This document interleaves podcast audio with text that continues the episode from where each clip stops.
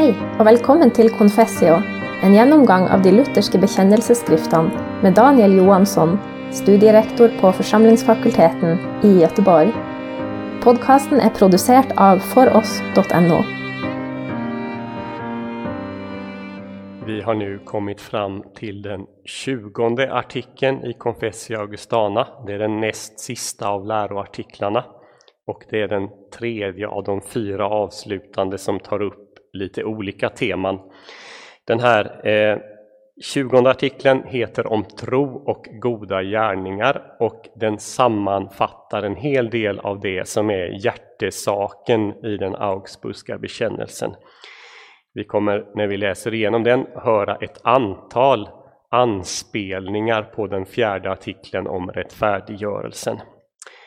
Det här är en ganska lång artikel så att jag tänker inte läsa igenom hela i förväg utan istället så läser vi paragraf för paragraf och så kommenterar jag helt kort in emellan. Så den tjugonde artikeln. Med orätt anklagas de våra för att förbjuda goda gärningar. Ty deras skrifter om tio Guds bud och andra med liknande innehåll bestyrka att de beträffande alla olika levnadsstånd och plikter givit en nyttig undervisning om vilka levnadsstånd och vilka gärningar i olika fall som behagar Gud. Om dessa ting gåvo förr i världen predikanterna mycket ringa undervisning, de blott uppfordrade till barnsliga och icke nödvändiga gärningar såsom vissa helgdagar, vissa fastor, brödraskap, vallfärder, helgondyrkan, rosenkransar, munkliv och liknande ting.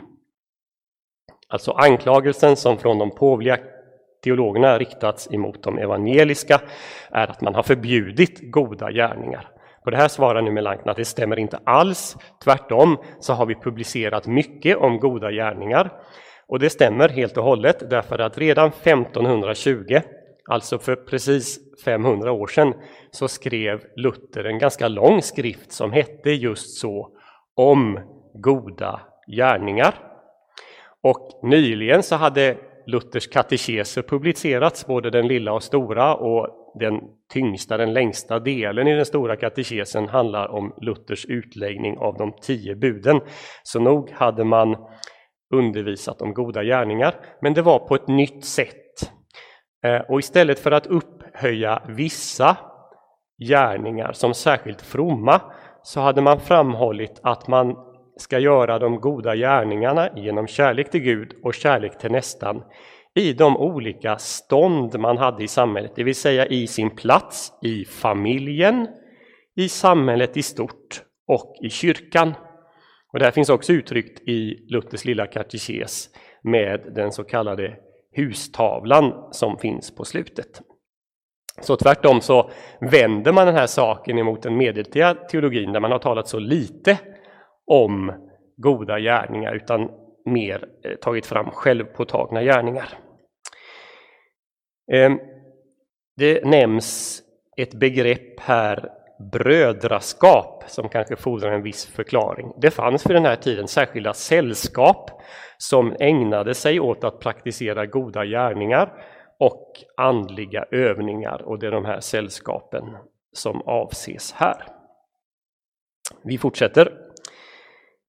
Sedan detta framhållits, det vill säga det här om de goda gärningarna, för våra motståndare har de nu lagt bort det och predikar inte längre dessa onyttiga gärningar såsom förr i världen. De har även börjat tala om tron, varom man förr iakttog en märklig tystnad. De lär att vi rättfärdiggöras ej av gärningarna endast, utan de förbinda tron och gärningarna och säger att vi rättfärdiggörs genom tro och gärningar. Denna lära är det mindre att anmärka mot än den tidigare uppfattningen och den kan skänka mer tröst än deras gamla lära.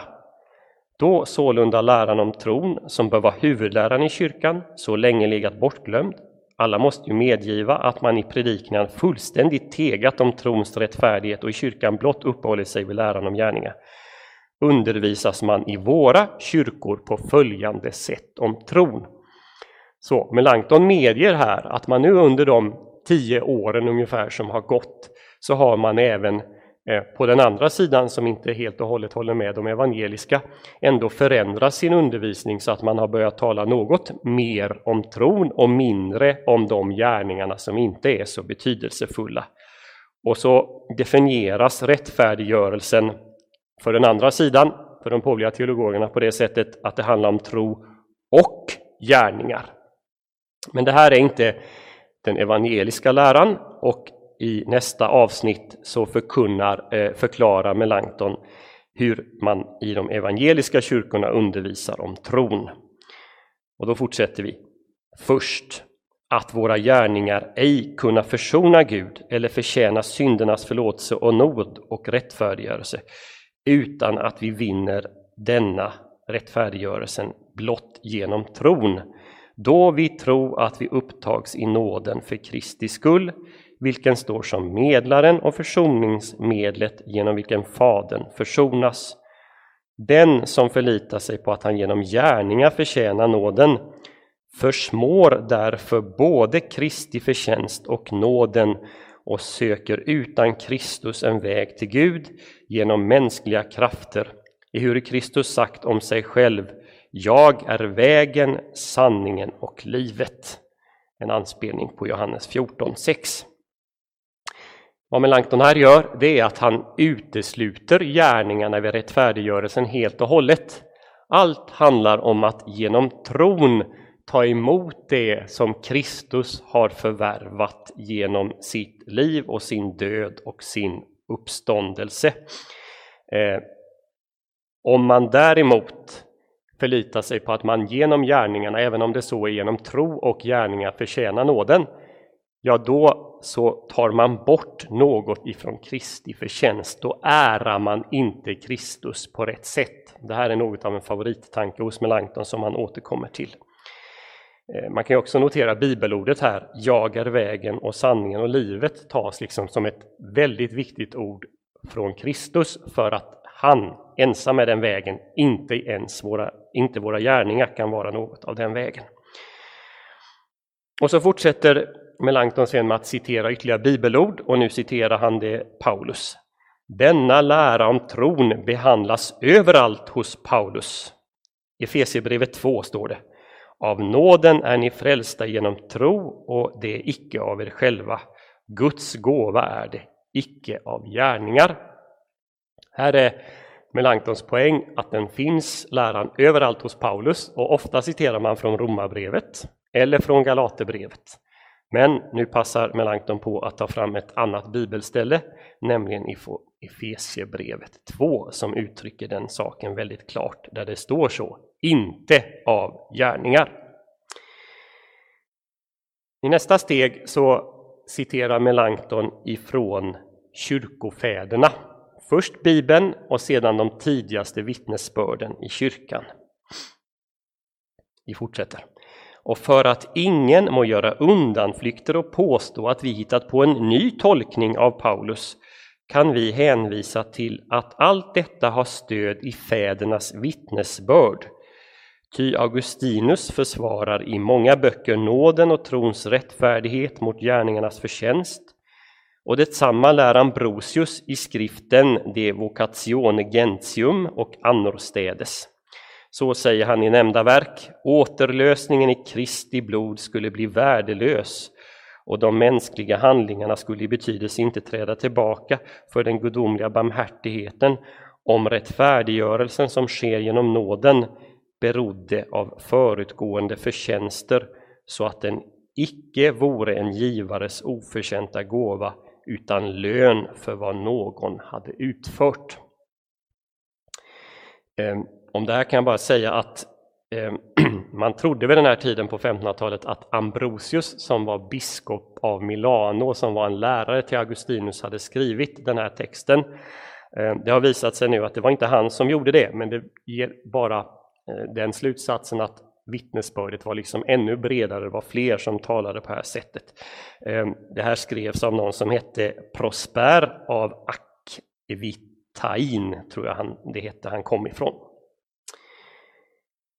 Nästa steg det är att argumentera pastoralt för den här läran om tron och gärningarna. Det sker i de följande paragraferna. I hur denna lära föraktas av oprövade erfar dock fromma och bävande samveten att den skänker den största tröst, emedan samvetena inte kan vinna lugn genom några gärningar, utan bara genom tron, då de är fast övertygade att de för Kristi skull har en försonad Gud. Så lär Paulus i Romarbrevet 5. Då vi nu har blivit rättfärdiggjorda av tro har vi frid med Gud. Hela denna lära har, av, eh, hela denna lära har avseende på det förskräckta samvetets kamp och kan inte förstås utan denna kamp.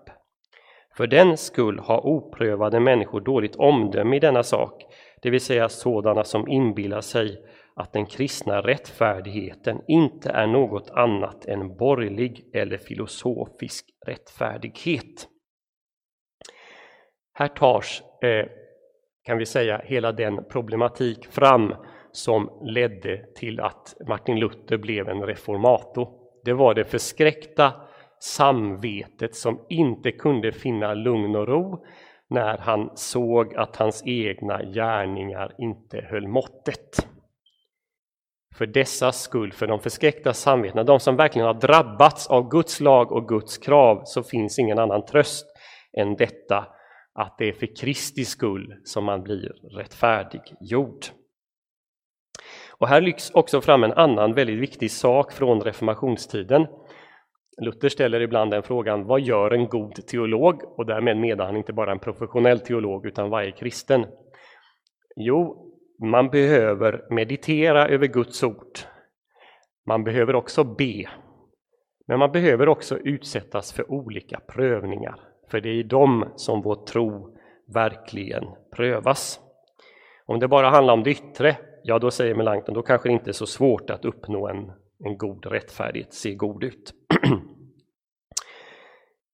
Förr plågades samvetena genom gärningsläran, de fick inte höra tröst ur evangeliet. Somliga drev samvetet ut i öknen eller klostren. De hoppades nämligen att de då där skulle förtjäna nåd genom munkliv. Andra åter funno, upp, eh, funno på andra gärningar genom vilka nåd och tillfyllestgörelse för synderna skulle förtjänas.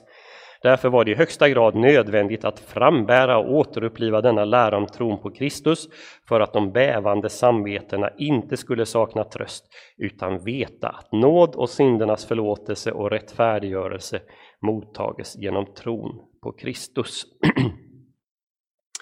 Det var så att man, om man gick i kloster, om man blev nunna eller om man blev munk, så räknade man det som en lika stor sak som när man döptes och det innebar att man fick då full förlåtelse för både sina synder och man fick alla straff efterskänkta, så man stod där liksom nollställd och helt ren inför Gud. Och det var många som Mm, mm, på grund av förskräckta samveten därför tog denna utväg till sin hjälp. Man insåg att man kunde inte tjäna ihop allt det straff man hade, skulle ta på sig och som man skulle få försona eller ehm, i, i skärselden, utan istället så tog man den här utvägen. Man tänkte om jag blir munk så blir jag nollställd och sen kan jag leva ett liv som gör att jag slipper skärselden eller åtminstone så många år där. I nästa paragraf så definieras vad är det här att tro egentligen?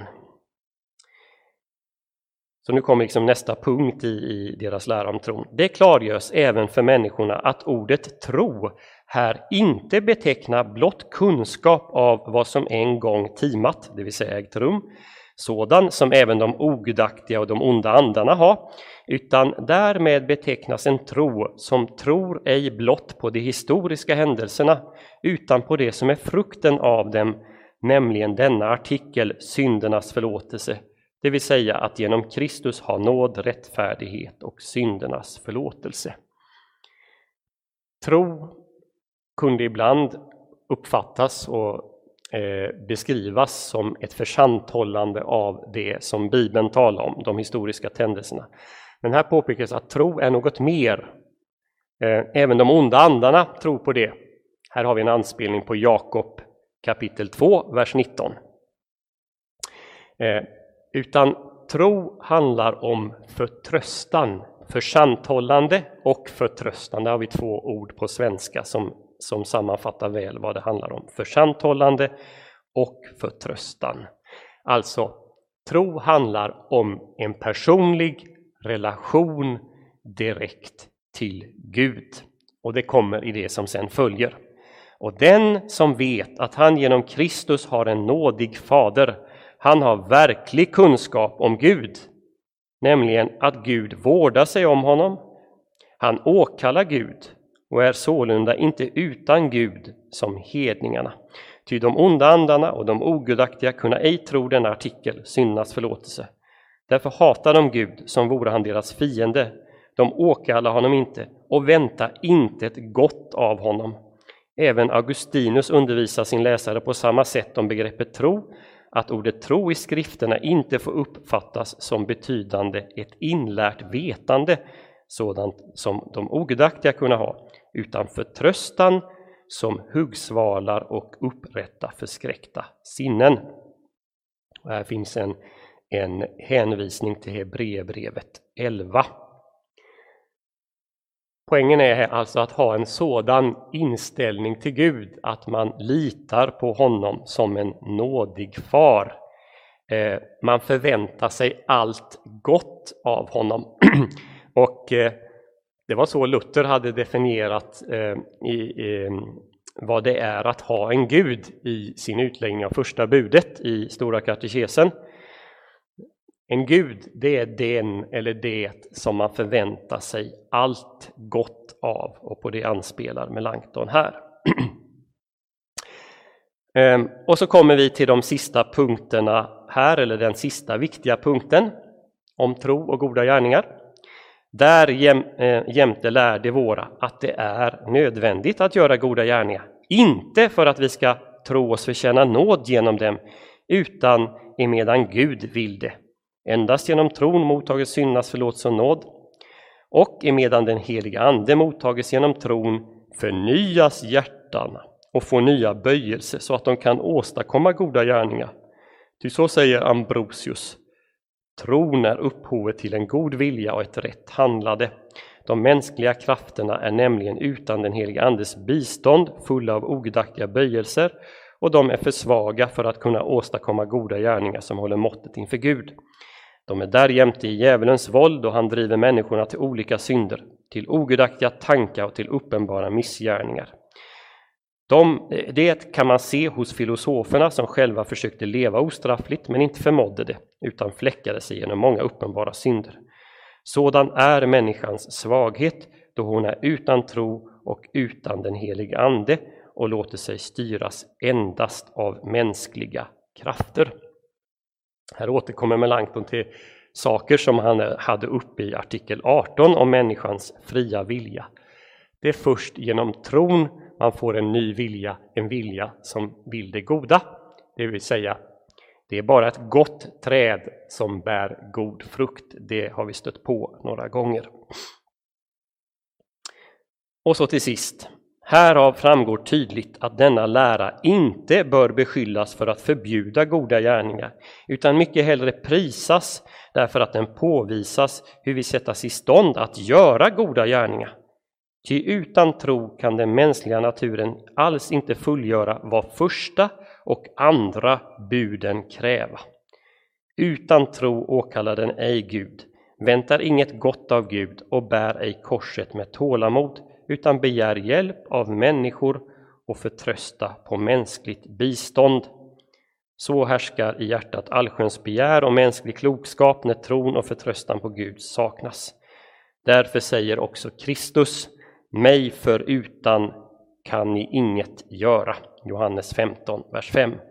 Och kyrkan sjunger, det är i hymnen Veni Sancte Spiritus, om ej av din andes fläkt liv hos människan blir väckt, intet gott hos henne är. Det vill säga, återigen understryks att när vi tror på Gud, när vi väntar allt gott från Gud, då uppfyller vi det första och det andra budet. Men när vi inte gör det utan sätter vår förtröstan till vår egen förmåga, till andra människor, då bryter vi mot detta bud. Vi människor, vi kan inget göra i oss själva, det har Kristus sagt. För utan honom kan ni inget göra. Så på det här sättet vill Melanchthon och vår bekännelse framhäva, framhäva trons betydelse och trons förutsättning för de goda gärningarna, men man har inte på något sätt förkastat eh, goda gärningar, utan tvärtom framhållit hur nödvändiga de är, men också hur de kommer till stånd. Vi har en artikel kvar eh, i, bland läroartiklarna. Den kommer nästa gång. Den handlar om dyrkan av helgonen. Och sedan så blir det lite längre artiklar om de missbruk som fanns i den kyrkan på den tiden. Men här får vi sluta för idag. Tack för att du hörde på Confessio. Vi tillbyr också andra podcaster, för exempel Table Talks, som går igenom alla söndagstexter i kyrkoåret. Besök oss gärna på foross.no.